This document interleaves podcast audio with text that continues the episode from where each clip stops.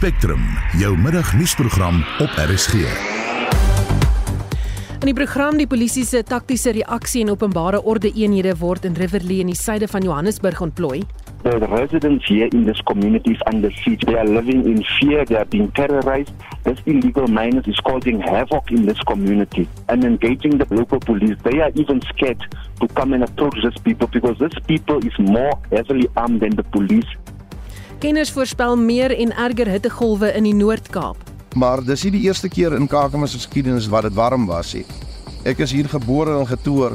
Kakamas is my hele lewe lank nog warm. Die hoogste temperatuur is gemeet op die 16de Januarie en dit was 43 grade Celsius in Kakamas, waar die mense uiteindelik dood is op die 19de Januarie.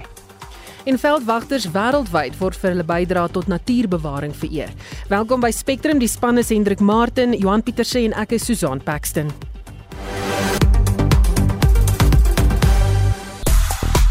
Fase 2 van die 2023 netbal wêreldbeker toernooi in Kaapstad begin met 'n goeie oorwinning vir Australië en Japan klop Spanje by die vroue sokker wêreldbeker toernooi om bo aan groep C te eindig.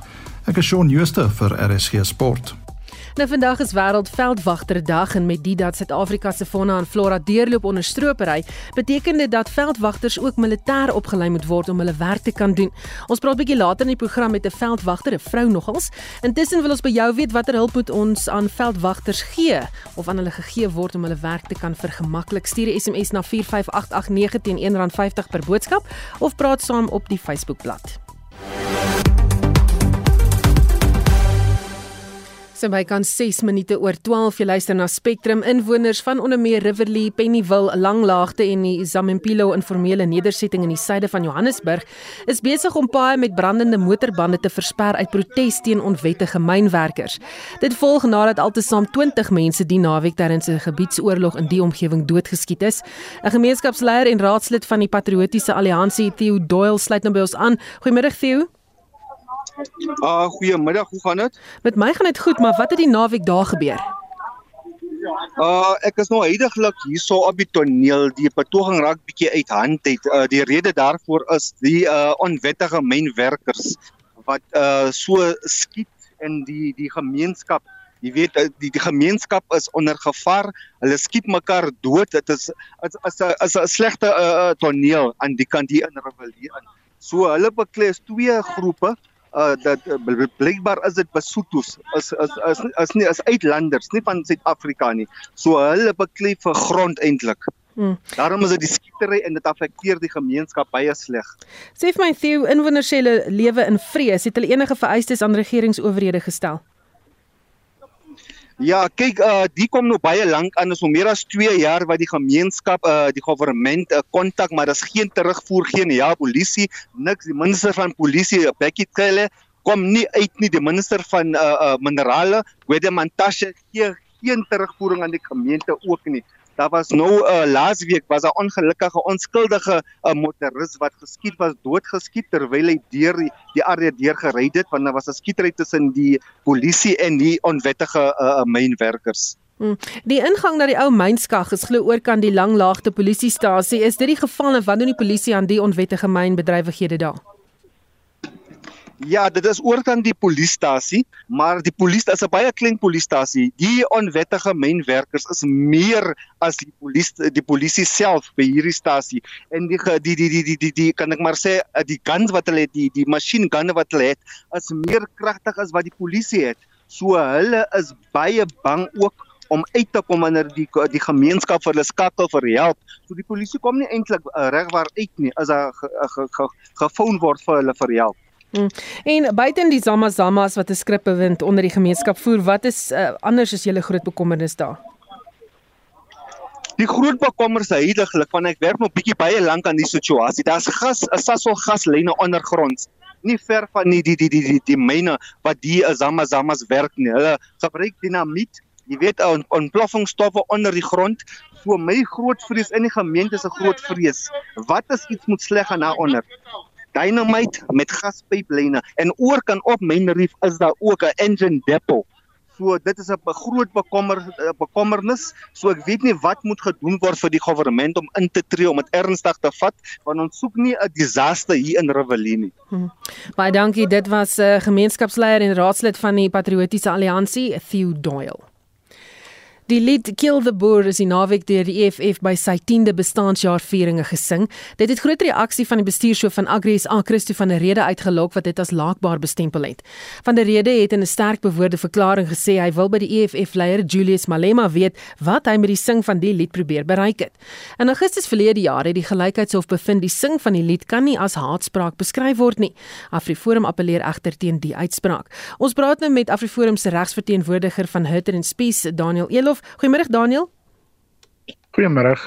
Afriforum het in tye van die hofsaak betoog dat Malema sy ondersteuners moet eh, ontmoedig om die lied te sing omdat die lied rasse haat, hmm. veral teenoor boere aanmoedig, maar Malema steur hom nie hier aan nie, lyk like dit my. Nee, glad nie en en uh, ek dink hy hy dink dat omdat hier nou die een hofuitspraak van verlede jaar was wat gesê het dat onder daardie spesifieke omstandighede dit nie haatspraak is nie, dat dit nou onder elke omstandigheid nie noodwendig haatspraak is nie. Maar uit die aard van die saak soos wat sy regspan hom waarskynlik vandag adviseer, is konteks altyd die kern oorweging wanneer dit kom by haatspraak en ek dink nogals die konteks waar meneer Malema dit hierdie afgelope naweek in gesing het, ehm um, is redelik verdoemend vir hom. Hmm. Nee, hoef dit bevind dat dit nie as haatspraak geklassifiseer kan word nie. Ehm um, so hy oortree op hierdie stadium geen hofbevel nie, maar Afriforum se appel word in September aangehoor. Mm, ja, so die die die uitspraak van verlede jaar uh, is op appel geneem. Dieselfde regter wat ehm um, die uitspraak gelewer het, het toe in die verlof tot appel aansoek natuurlik bevind dat 'n er ander hof kan moontlik tot 'n ander gevolgtrekking kom as wat hy self gekom het. En ek dink is ook belangrik om natuurlik te onthou dat daar is meer as een uh, hof uitspraak alreeds oor hierdie liedjie uh, wat wat staan, beide in dieselfde hof in die in die Hooggeregshof in Gauteng en die ander hofbevel uh, het natuurlik bevind dat meer Malema nie die liedjie mag sing nie en dat dit wel haatspraak is. So daar is bietjie hierdie hierdie twee kontrasterende en botsende uitsprake. Maar op die ou ende van die dag is is Afriforum se opinie dat hierdie is eenvoudig minagtende optrede deur meneer Malema. Hy hy en en hy het ongelukkige redelike slegte rekord ehm um, wanneer dit kom by respek en en ehm um, goeie agting hê vir ons regsplank. Hmm. En sê vir my wat is die hoofargumente wat julle in hierdie appel gaan aanvoer? Maar bloot dat weer eens die die konteks is baie belangrik waarin meer Malema in in die in 2018 19 ehm um, en en vroeër uh, Kiel die boer gesing het dat hy is 'n prominente politikus. Hy het dit gesing buite die hof waar uh, daar verdagtes was wat op verhoor was vir die moord op 'n boer en uh, met ander woorde dat sy sy woorde behoort ehm um, nie geduld te word nie. Ek bedoel dis dis dis vir enige redelike persoon wanneer hulle daarna luister uh ooglopend ehm um, aardelik en en dit behoort nie in 'n demokratiese land geduld te word nie. So daardie argumente gaan natuurlik nou in die 4de September uh, voor die die appel of geargumenteer word en ek het geen twyfel dat die optrede van meneer Malema van die afgelope naweek uh onder die hof se aandag gebring word en dat dit beslis in die agterkant van daardie regter se koppe gaan lê nie. Hm. Baie dankie het gepraat met AfriForum se regsverteenwoordiger van Hutter and Spies Daniel Elof. Die DA Noordwes het die afgelope naweek sy leierskapskonferensie gehou. Nuwe leiers is vir die party verkies daarom te verseker dat hy die amptelike oppositie in die Noordwes kan raak. Ons praat nou met 'n politieke ontleder van die Noordwes Universiteit, professor Andrei Dievenage. Goeiemôre Andrei.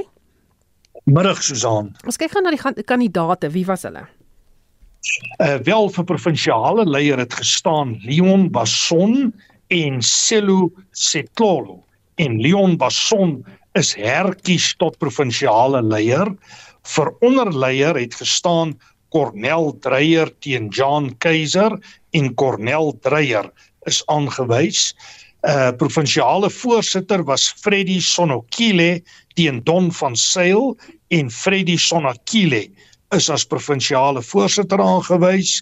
Adjunk voorsitter het Edwards teen Keiser gestaan en Keiser is verkies ag ekskuus en, en Henry het van Huisteen al drie het gestaan en uh, Henry het van Huisteen is verkies daar. En as finansiële voorsitter het Chris Hatting gestaan teen Nkateko Mabunda. En Mabunda het die verkiesing gewen.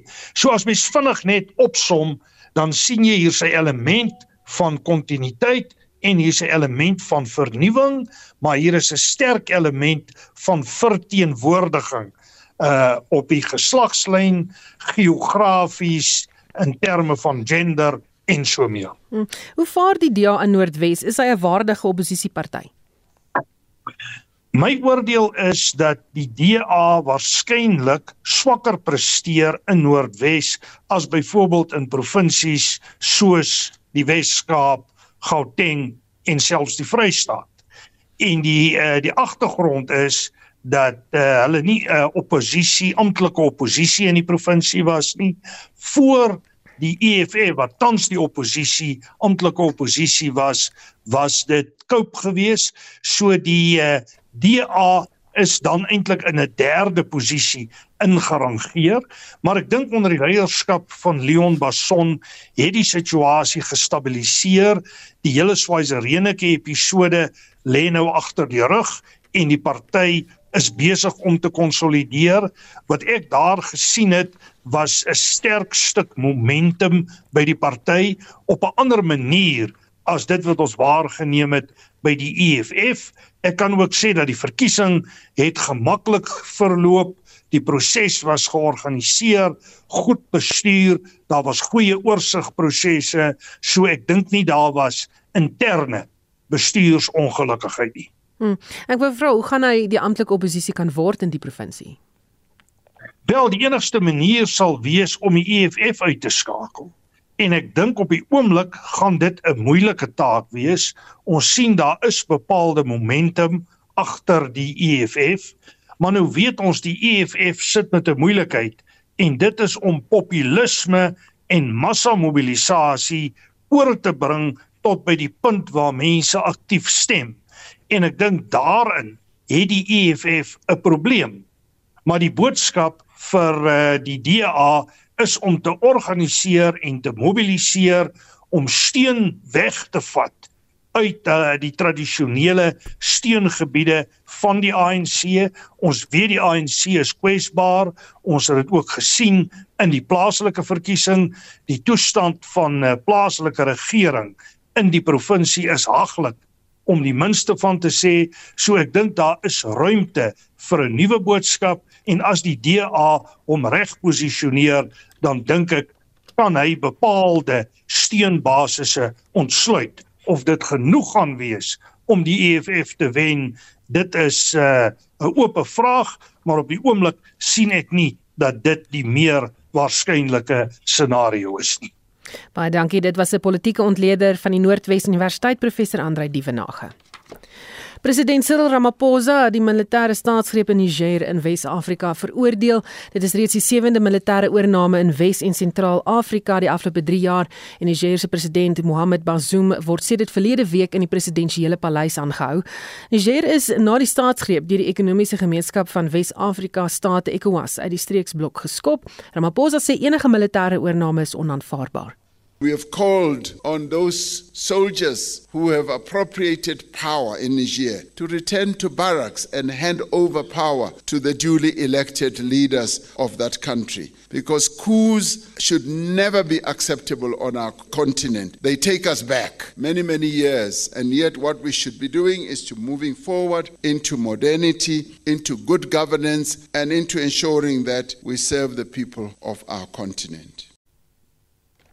Nou ja, die pres, eh, dit is president Cyril Ramaphosa gewees. Ons bly by die storie en praat nou met professor Dirk Coetzee van die NISA se departement politieke wetenskap. Goeiemiddag Dirk. Goeiemiddag Susan. Seker was dit Niger nou uitgeskop en sanksies ingestel. Watter ekonomiese gevolge hou dit vir die land in? Wel dit dit gaan baie uh uh uh eintlik hulle hulle ekonomiese aktiwiteite tot 'n stilstand bring. Uh, Niger is nie op sigself 'n baie sterk ekonomiese uh, of het nie 'n baie sterk ekonomie nie. Um en as gevolg daarvan enige uh, belemmerings of uh, beperkings op hulle ekonomie sal vir hulle baie nadelig wees. En dis natuurlik die, die hele idee van sanksies is om soveel druk op hulle te plaas dat dit onhoudbaar word in intern um, en dat daar dus veranderings kan plaasvind. Um, as hulle in 'n beter posisie was, sou sanksies nie veel van 'n impak op hulle gemaak het nie. So ek dink dit dit is die die belangrike faktor wat hier ter sprake is. Is is dat hulle gegee die feit dat hulle in 'n streek is wat onstabiel is, want uh, Mali is baie naby aan hulle um die probleme van die noordooste uh, van Nigerië spoel oor na Niger toe ook um selfs die probleme in in die Kameroen raak ook Niger. So die die Sahel wat die band is wat reg oor Afrika van Wes-Afrika tot by uh, Ethiopië is is die mees onstabiele uh, gebied uh, op die kontinent op die oomblik. Hm. Die staatsgreep is wyd deur die internasionale gemeenskap veroordeel. President Ramaphosa het self ook daaroor gepraat. ECOWAS het met militêre aksie gedreig indien die junta nie binne 7 dae gehoor gee aan sekere eise nie, maar wat kan nou verder verwag word? Ja, ek dink daar gaan baie druk op hulle geplaas word deur ECOWAS. ECOWAS is 'n streeksorganisasie soos die Suid-Afrikaanse Ontwikkelingsgemeenskap, maar is nog beter uh as dit kom by hierdie tipe van optrede. Hulle het 'n baie sterk sekuriteitsinfrastruktuur.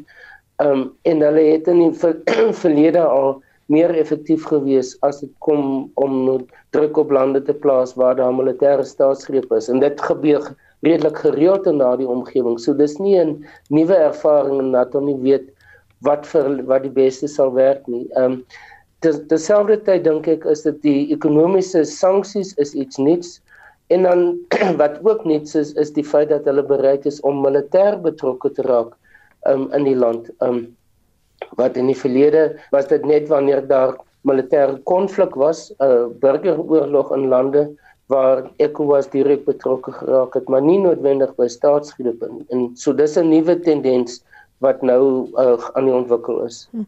Hoe bekommerd moet ander lande in Afrika wees?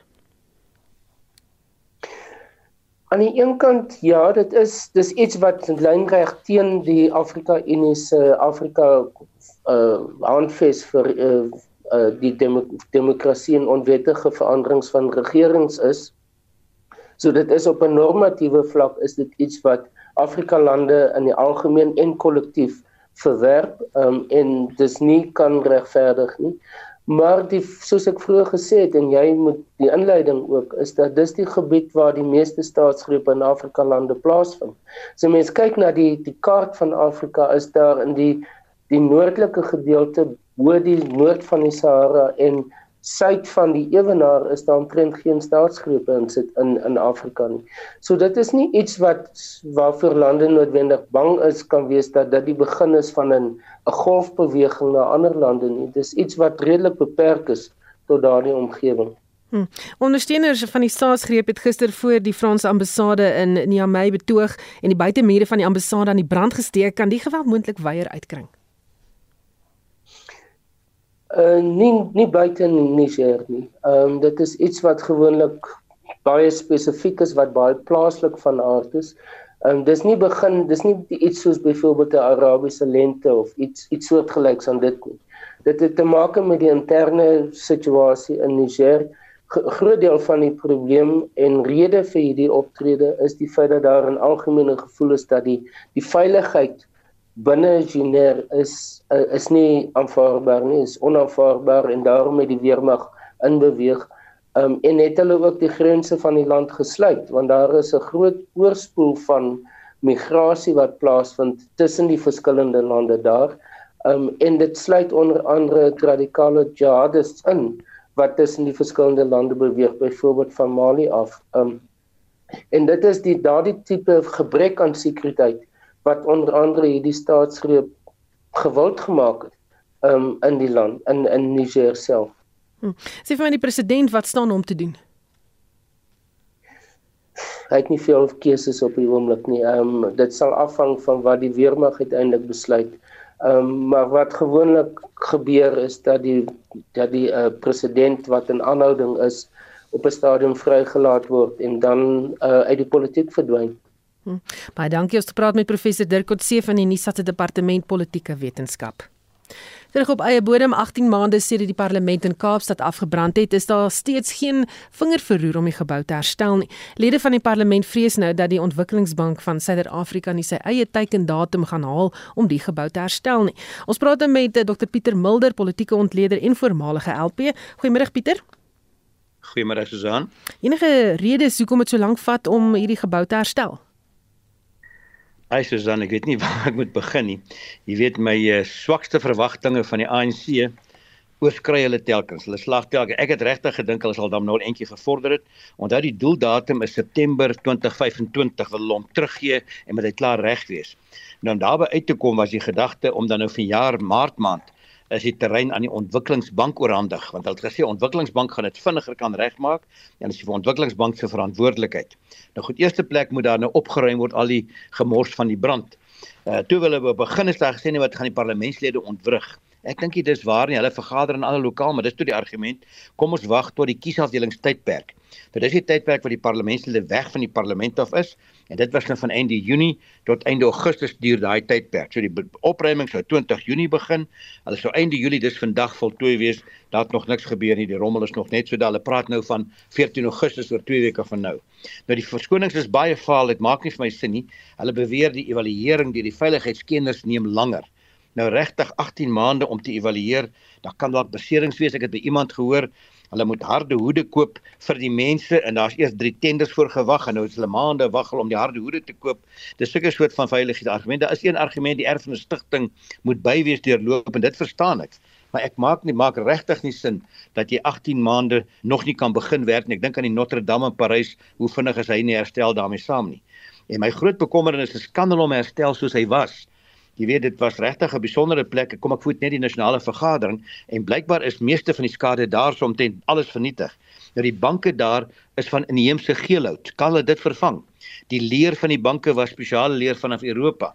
Die matte is spesiaal geweef geel kleur, maar met 'n sekere patroon wat in die houtwerk weer 'n keer herhaal is stinkhout in die volksraadkamer en dis al die goeters en die groot vraag is of hulle dit regtig kan terugsit soontoe as hulle so vat om te begin wat hoe lank gaan dit vat om daarby uit te kom? Ek is maar baie bekommerd daaroor, ja. Hm. Hoekom is dit belangrik dat ons wel 'n parlementsgebou moet hê? O, met Zoom en dan kan mens sê dis nie nodig nie, maar ek dink tog daar's 'n groot verskil tussen 'n debat waar mens mekaar in die oë kyk en die atmosfeer daarmee saam en uh, as 'n simbool van jou demokrasie. Alle lande, demokratiese lande het so 'n parlementsgebou. Die parlementsgebou is 'n vergadersaal, dis belangrik, maar onthou hy is ook iets meer as dit. As jy aan die Britse parlement toe gaan, is daar 7000 skilderye en 700 standbeelde binne die Britse parlement.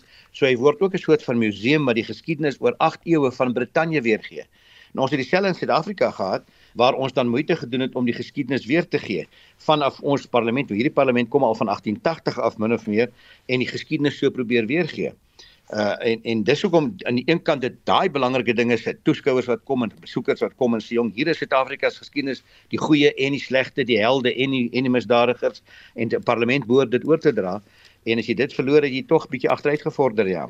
Mm, ek wonder of jy vra of die geskiedenis is verlore na die brand.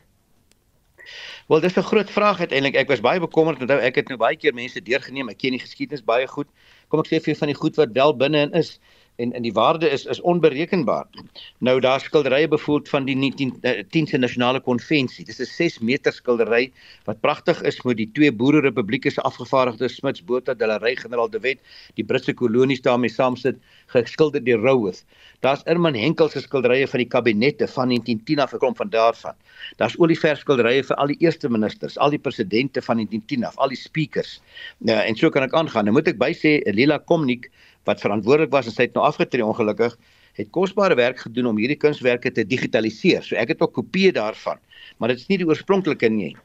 En die ironiese is en ek het nou juist 'n bietjie navraag gedoen toe jy my gebel het dat van die skilderye het gehang in die mure al die kante en toe die nasionale party in die 48 oorneem of vorige regerings is die skilderye nie weggeneem nie want hulle sê dis geskiedenis. Met al dit niemand is verwyder nie. Nat is dit nie die sappe se skilderye verwyder nie.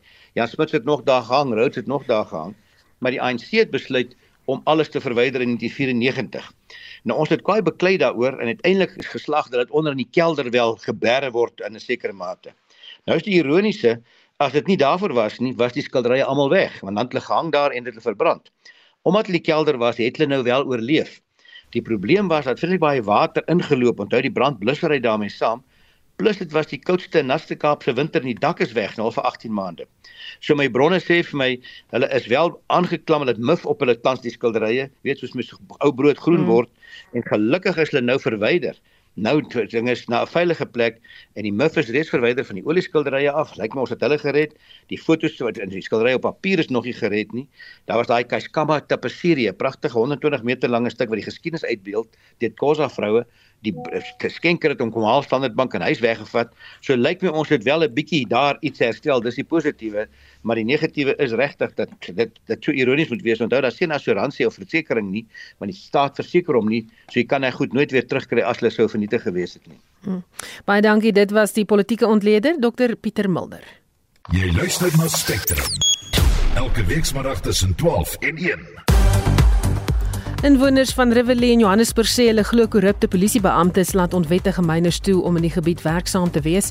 En die vierde getuie in die Bafana Bafana sokkerspeler Senzo Muia se moord voor, kolonel Lambertus Steyn het vanoggend sy getuienis in die Hooggeregshof in Pretoria voortgesit. Bly ingeskakel.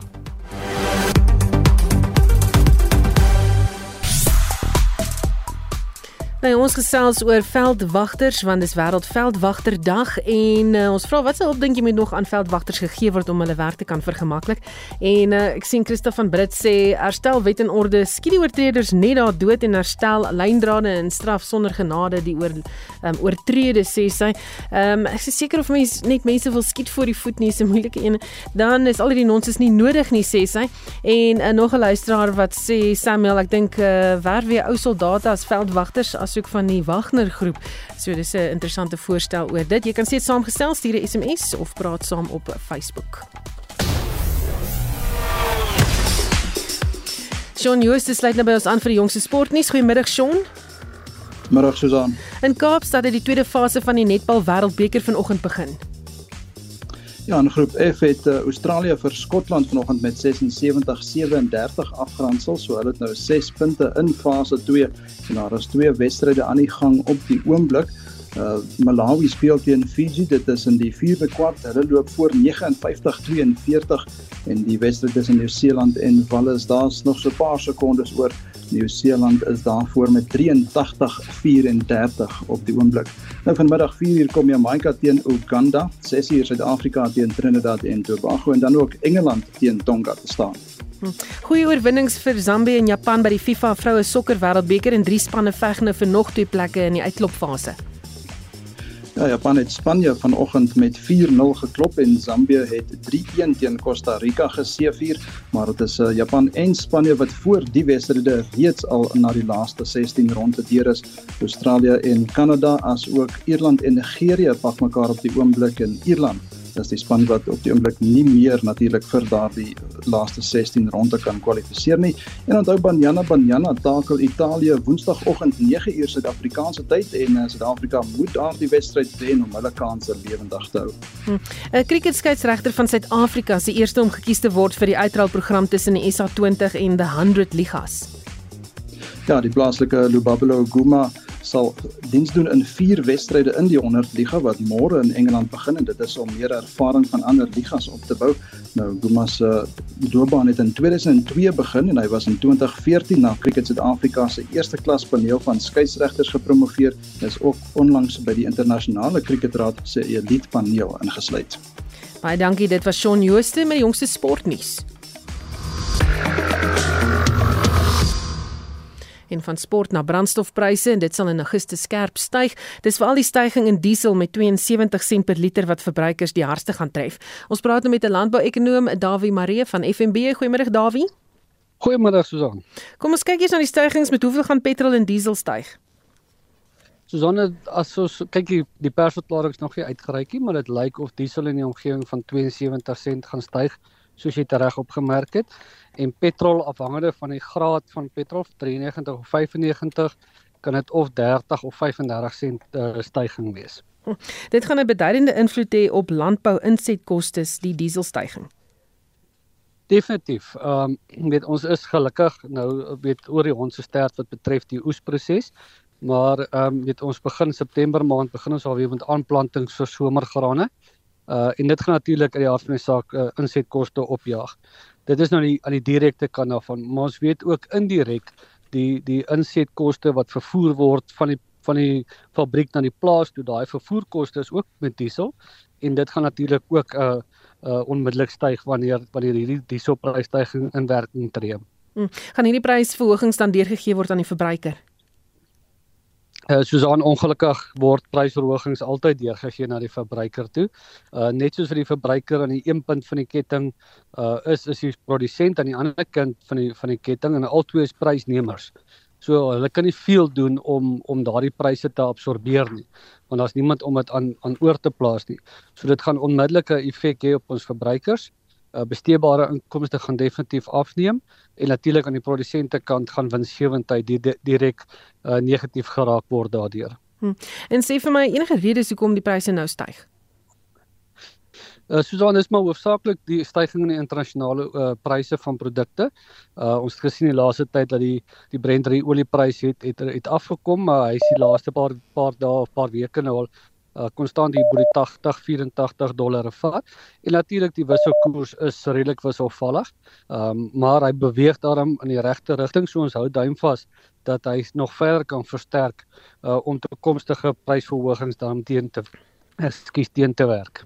Baie dankie. Dit was 'n landbou-ekonoom Dawie Marie van FNB. Die vierde getuie in die Bafana Bafana sokkerspeler Senzo Mjiwa se moord voor, kolonel Lambert Steyn, het vanoggend sy getuienis in die Hooggeregshof in Pretoria voortgesit. Steyn het Vrydag getuig 'n SIM-kaartreiling is op Mjiwa se selfoonnommer gedoen die dag nadat hy in Oktober 2014 vermoor is. In opspraakwekkende getuienis het die hof gehoor dat 8 oproepe toe van die SIM-kaart geruilde nommer gemaak is na Mjiwa se 2014 vriendin die sangeres Kelly Kumalo. Ons praat nou met ons verslaggewer Orisani Sitole. Good afternoon Orisani. Afternoon, Susan. What else did Stein reveal about the cell phone records? Uh, we've, we've recently now we just heard that when he was downloading pictures, there were actually more more pictures on that cell phone that and it's in question for accused number three right now. Uh, he spoke about that it had guns. I mean, there, there, were pictures of people holding guns, and there were so many people that I mean, there were so many pictures uh, that then he he looked at, but he, he was only there to analyze.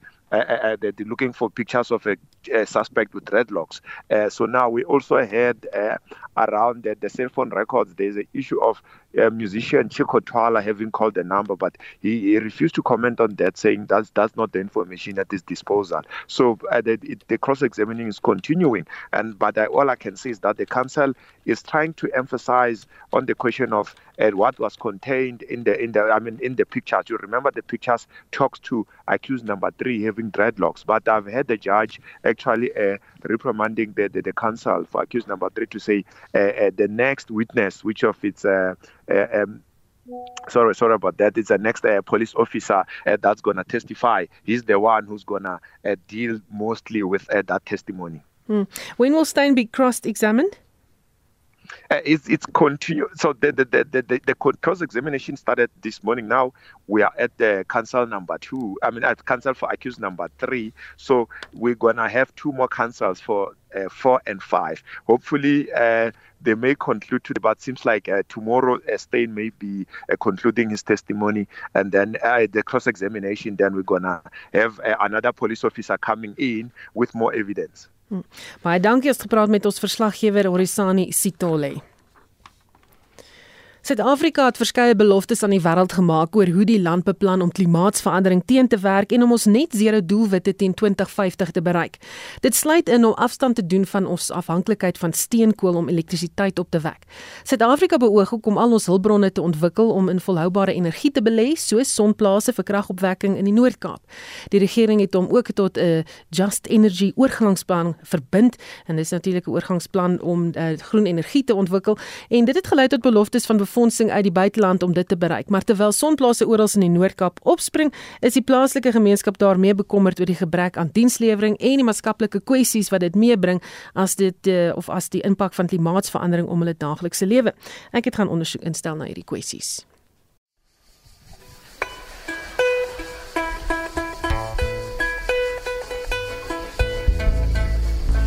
It was very warm. Uh, it reached a temperature about uh, 50 up to 53. It was before, but it was not so hot like this year. Sinds ons in die desert is, dis diep in die Kalahari. So dis baie warm hier kan by ons. As dit so warm is in die somer, ons eet ijskrim, ons gaan swembad toe. Die mense wat nie so in the day in nag, and it's beter cause the weather is too much hot. As jy waar jy die warmte op die teerpad ook kan voel. Jy kan met jou skoolskoene ook loop en voel jy dit deur jou skoolskoene. You have to buy ice to cool off and the water from the tap you bath with it. Die Noord-Kaap is tradisioneel bekend vir sy hoë temperature en woestynagtige landskap. Dit is 'n prominente landboustreek waar sitrus, dadels en druiwe verbou word. Die provinsie is ook wêreldwyd bekend vir die Kalahari en natuurlik die kokerboom. Suid-Afrika het as deel van die Verenigde Nasies se geen besoedelingsbeleid, alom bekend as net zero doelwitte, homself verbind om teen 2050 nie meer steenkool te verbrand nie. Volgens navorsing deur die organisasie Climate Watch, dra Suid-Afrika 1,13% by tot kweekhuisgasvrystellings wêreldwyd. Volgens die Universiteit van Notre Dame in die VSA se klimaatskwesbaarheidsindeks lê ons egter 96ste. Hoe hoër ons op die lys is, hoe kwesbaarder is ons. Dit was geillustreer deur die tragiese dood in Januarie van minstens 7 plaaswerkers in Kakamas in die Noord-Kaap aan moontlike hitteuitputting. Die mede-eienaar van Lofrend van Sail boerdery, Rian van Sail sê, dit was 'n week soos enige ander week op die plaas. Ons het 'n warm somer gehad, maar dis nie die eerste keer in Kakamas geskiedenis wat dit warm was nie. Ek is hier gebore en getoer. Kakamas is my hele lewe lank nog warm. Ons het al 50s hier gehad. So dat niks snaaks gebeur nie. Die direkteur van die Global Change Institute by die Universiteit van die Witwatersrand, professor François Engelbrecht sê, Hierdie was 'n moontlike klimaatskantelpunt in Suid-Afrika. Op die 8 Januarie het die temperatuur vir die eerste keer gestyg tot bo 38 grade Celsius en dit het bo 38 grade Celsius gebly tot en met die 23ste Januarie. So 'n 16 dag periode waar die maksimum temperatuur bo 38 grade Celsius was. Maar op die 10de Januarie het die temperatuur vir die eerste keer gestyg tot bo 40 grade Celsius. En so het dit gebly tot en met die 18de Januarie. So dit was 'n 10 dag lange periode waar die temperatuur hoër was as 40 grade Celsius. Die hoogste temperatuur is gemeet op die 16de Januarie en dit was 43 grade Celsius in Kakamas, waar die mense uiteindelik dood is op die 19de Januarie. So hierdie was 'n periode van uitsonderlike hitte selfs vir die Noord-Kaap. 'n Hoë vlak regeringsafvaardiging het hulle na die tragiese gebeure na Kakamas gehaas. Die minister van Indiensneming en Arbeid, Tulas Nesi, het toe onderneem om die voorval behoorlik te ondersoek. It takes time. There are no shortcuts.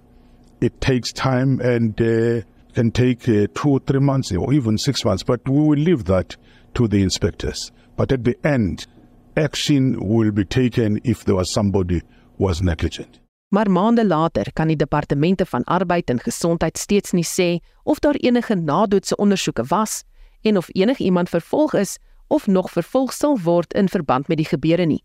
Van Sel sê hulle het ook steeds geen antwoorde oor wat regtig gebeur het nie.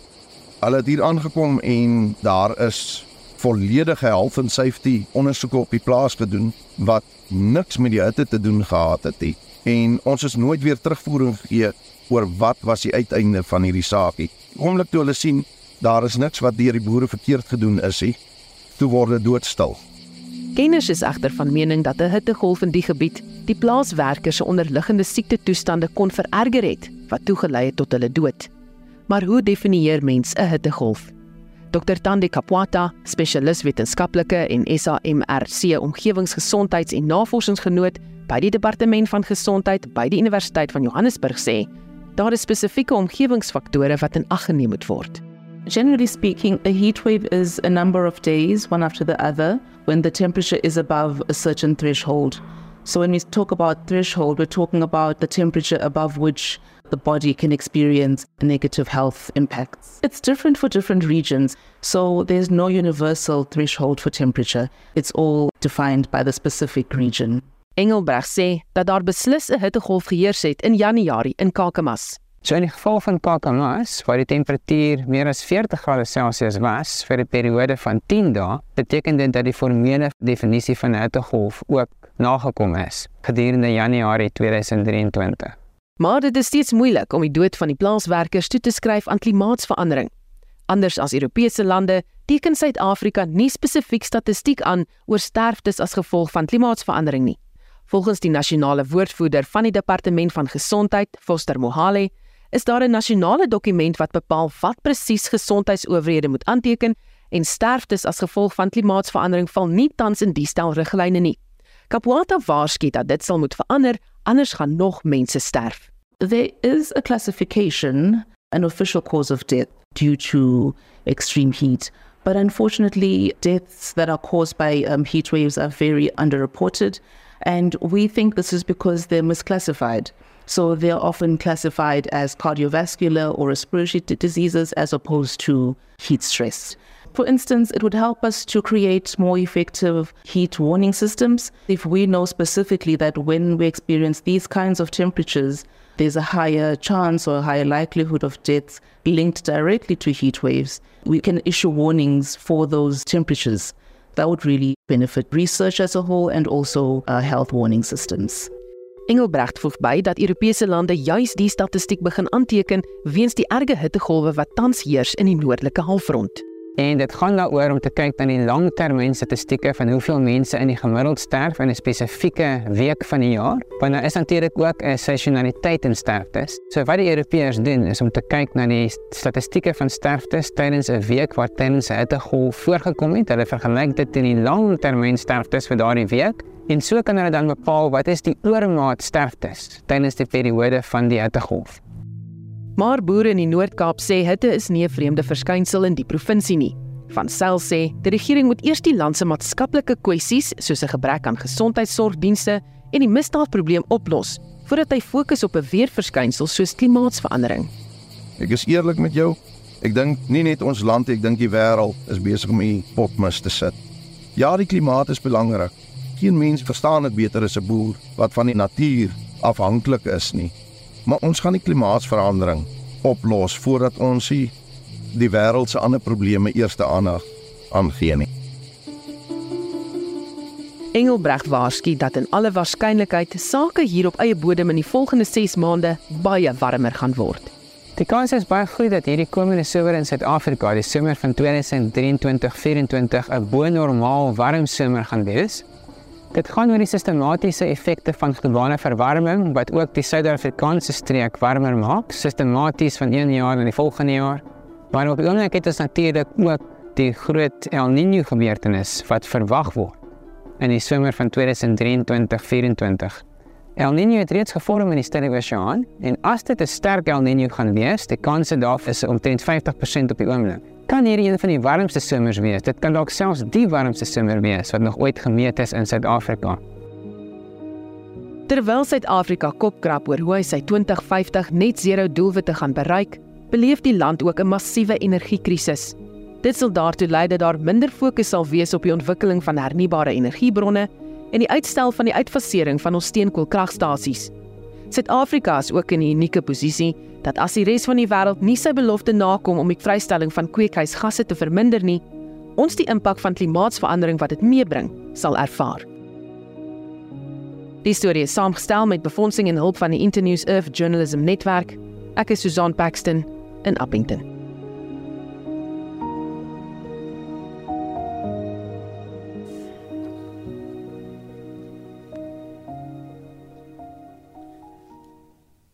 Hey, luister na Spectrum en veldwagters wêreldwyd word vandag vereer vir hulle werk om spesies te beskerm. Net in die nasionale kreer Wildtuin alleen is 12 veldwagters die afgelope jaar dood en ons praat nou met 'n uh, eh, Karin Keet afdelingsveldwagter in die Palaborwa streek. Goeiemôre Karin.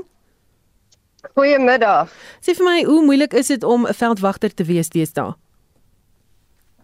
Ehm um, ja, dis dis baie lekker, maar dis ook uh, baie moeilik. Daar's baie uitdagings. Ehm um, jy's basies 24 uur op diens. Ehm um, elke dag in die lewe van 'n veldwagter is anderste as die vorige dag. Ehm um, ja, op die oomblik ons grootste uitdaging is maar stropery op alle gebiede. Ehm um, van mense wat inkom om vis te vang en strikke te stel tot 'n uh, renosterstropery en ehm um, deesdae itermako smokkelary is ook 'n baie groot probleem. Sê vir my, wat is die uitdagings wat jy as 'n vroulike veldwagter uh, elke dag moet te bowe kom? Ehm um, ek dink uh veldwagters of die industrie uh bly maar oorheersend uh mans. Uh ek is al 22 jaar 'n uh, veldwagter. So um deur die jare het 'n mens nou maar geleer hoe om aan te pas. Maar um ja, jy moet maar weer in tyd jouself bewys. En um daar is sekere goeders um wat 'n mens uh maar moet aan werk in die begin, maar uh ja, op die ou einde uh solank jy net die vertroue van jou mense het um en 'n goeie leier is um ja, is is die uitdaging maar dieselfde. Uh om 'n vrou te wees aan die ander kant jou persoonlike lewe um is moeilik om 'n ma te wees, 'n vrou te wees en 'n uh, veldwagter te wees. So jy moet uh deurentyd moet jy alles maar so jy weet 'n juggle as ek dit nou so in Engels kan sê, um om die balle in die lug te hou. Hmm. Sê vir my dalk 'n staaltjie of twee iets wat jy oorgekom het alterwyl jy 'n veldwagter was, miskien 'n skrikwekkende oomblik wat jy met ons wil deel.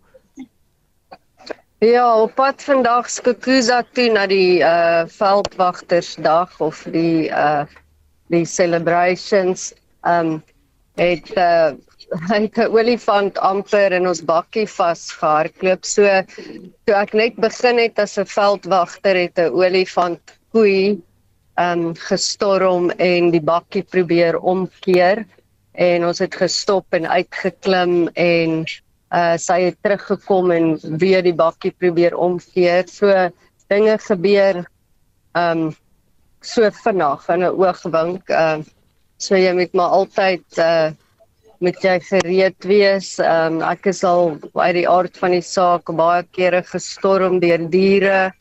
Ehm um, ek was 7 maande swanger um, met my eerste kind, dis ek deur 'n buffelbul gestorm. Jo, wat ek hier by my voete geskiet het. Ehm um, so ja, daar's 'n uh, baie noue ontkomings wat ja. kan gebeur. Dit ja, jy moet maar altyd net reg wees vir enige iets. Hmm. En uh, soos die Engels in Engels sou sê never a dull moment. Dit was die afdelingsveldwagter in Palaborwa streek Karin Keet wat met ons gepraat het. Vanmiddag se sake nuus word aangebied deur Dion Goosen, 'n portefeuljebestuurder by Netbank Korporatiewe Beleggings. Goeiemôre Dion. Goeiemôre en goeiemôre aan die luisteraars. Dit was 'n goeie week vir markte verlede week. In Amerika sluit al drie markte in die groen Vrydag. Die Dow Jones was 0.5% hoër, die S&P 500 1% hoër en die Nasdaq het 1.9% sterker gesluit. Vanoggend in Asië sluit die Hong Kong Hang Seng sterker met 0.8%. Die Japaneese Nikkei was op met 1.3% en die Australiese ASX 200 was hoër met 0.1%. As ons kyk na Europa op die oomblik, die Britse FTSE 100 is sterker. Nee, ekskuus, hy naas, dit is nou net rooi, is so 0.1% rooi. Die Franse CAC 40 is hoër met 0.5% en die Duitse DAX is op met 0.1%. Plaaslik verhandel ons algehele indeks hoër met 0.2% en verhandel teen 78662 punte. Die finansiële indeks is onveranderd. Investec is wel 1% op en ek sien Discovery is so 0.9% af op die oomblik. Die nywerheid indeks is 0.3% op en Naspers wat 1.3% op is, Mr Price staan so 1.2% laer. Die Hulbron indeks is 0.4% hoër. Glencore is die wenner op die oomblik daar 1.1.8% op en dan Anglo American Platinum is 2.9% laer. As ons kyk na kommoditeitspryse, goud verswak met 0.1%, is en verhandel by 1957 dollar per fyn ons. Platinum verswak uh en met so 0.1% verhandel by 934 rand per fyn ons. Brent olie is sterker met so 0.7% uh, en verhandel by 85 dollar 55 sent per vat. 'n Dollar gaan vir jou R17.71 kos, 'n pond gaan vir jou R22.78 kos en die euro R19.54. En dan die rentekoerse, die R2030 staatsefek verhandel tans by 10.17%. Aan die aan die ekonomiese kant kan luisteraars die week uitkyk vir die nuwe voertuigverkope vir Julie. Verwagtinge is is vir 'n verlaging na 8,9% oor 'n jaarbasis en dit is grootliks weens minder passasiersvoertuie wat verkoop is. En dan ook van die groter maatskappye wat finansiële resultate bekend maak, is Mondis, Anglo Gold en Anheuser-Busch. Dankie. Dis dan die einde van die sake nuus. En dit was Dion Goosen, 'n portefeuljebestuurder by Netbank Korporatiewe Beleggings. Soos eindig die program vanmiddag so effe op 'n hartseer noot. Kollega Justin Kennerly sluit vandag sy hoofstukkie in die nuuskantoor na 12 jaar by ons af. Justin, een van ons vervaardigers en redakteurs het hier as jong joernalis begin, pink hare, blou hare, alles. En so saam met hy saam met ons het hy grootste stories van die eeu gedek, dink ek. En ons praat nou so vir ou las met hom. Justin, uh, vertel ons gou, wie is Justin? Wel ek's Andy Andy, as ek dit kort kan sê, dis die bynaam wat ek hier op kantoor gekry het, want ek kan alles op kantoor doen. Ek kan uh, uitgee, ek kan aanbied, ek kan stories doen, ek kan uitgaan in die veld. Uh maar ek het ook 'n baie stoute sin vir humor. So ek is ook die minister van grappe in die kantoor. So ek dra baie hoede hierso. Um met dit gesê, ek dink ek het myself 'n integrale deel van die kantoor gemaak. Ek is altyd bereid om iemand uit te help of by te staan of 'n program uit te gee. En ek dink dit spreek ook baie van my karakter en wie ek as persoon is. Ja, baie nederig. ja, nee. Sê vir my, wat was van jou hoogtepunte wat jy beleef het as joernalis in die nuuskantoor? O, oor 12 jaar is daar so baie ons is aan, maar ons het nie so baie tyd nie. Um ek dink al die feeste en buiteuitsendings was beslis 'n hoogtepunt, woordfees veral want ek het baie mense, nuwe mense daar leer ken, baie luisteraars daar ontmoet, wat ook baie lekker is om die mense te sien. En as 'n lugvaartliefhebber het ek ook altyd geleentheid aangegryp om in Springbok Classic Air se DC3 te vlieg. Ek het selfs in 'n lugkunsvliegtuig die toertjies gaan doen. Ons was op 'n hele paar lugmag helikopters en vliegtye oral oor die land. Um, ek en jy Susan. Hm. En ek en jy het ook baie buite uitsendings saam gedoen. In Nampo byvoorbeeld, Mandela se begrafnis, al die verkiesingsuitsendings uh altyd baie lekker is. Hmm, en toe uh COVID begin, toe vaar ek en jy Tembisa in en gaan kyk wat daar aangaan. Ons het jy's in die kantoor gesit en sê wat anders kan ons doen en ja, net ek en jy was of braaf of dom genoeg om dit te doen. ja. So ek wil vir jou hierdie klanksnit speel, Justin, iets wat op die lig gebeur het so 'n tyd gelede en wat ons albei in die sop gehad het en van die lig af vir 'n dag. Dit lyk vir my nie uh, dis die LMD klanksnit kan jy hom sien daarso op die uitsaai? Nee, lê hy nie daar nie. Dis daai een waar ek my op op die lig begin lag het. Ja. Nou ek daai vreemde name moes uit uitspreek. So ek wil jou vra, hoe moeilik is dit om hierdie name uit te spreek en te leer? Van daai name is bietjie moeilik. Uh, ek kan nie lieg nie, maar met tyd leer jy hoe om die, hoe om die dinge uh, uit te spreek. So uh, ek dink in daai daai dag spesifiek en ek en jy mekaar laat lag in die in die in die ateljee. Weet ja, ons maar altyd doen. So jy kon nie verder die sinne spreek nie en nee, ek moes doen. Toe word hierdie name net vir my baie snaaks. Ja, baie dinge wat gebeur agter die skerms en uh, lyk like vir my ons het hom gekry. Kom ons luister gou wat gebeur het daai dag. In Sri Lanka het betogers ingestem om hulle besetting van amptelike geboue te beëindig. Die Sri Lankaanse menseregte aktivis Ambika Satukanathan het intussen gereageer op president Gotabaya Rajapaksa se traagheid om te bedank. Human rights and humanitarian law violations against him. En in brandpunt vanmiddag vra die span wat die Oosfort in Pretoria, jammer ek belag wat het nou so begin lag het. Maar geval in brandpunt vanmiddag vra die span wat die Oosfort in Pretoria Goed, um, probeer weer. Ons gaan net bietjie kyk na wat gebeur het met die bajonet en die ehm um, uh, kondensmelk en wat hulle alles daar. Nee ja, ek, ek vermoed jy hy die rekord vir enigste mense wat my op die lig kon laat lag. Dis daai. Ja, 'n rekord wat ek trots hou. Ons moet uh, daarmee groet Justin. Uh, dit was nou amptelik oud kollega Justin Kennedy van die nuus se kantoor of die nuuskantoor se kant af. Dankie vir jou werk en vriendskap hier. Sterkte met jou pad vorentoe. Ons gaan jou mis. Ja, gaan julle ook baie mis. En uh, daarmee groet die Spectrum span. My naam is Susan Paxton. Geniet jou middag.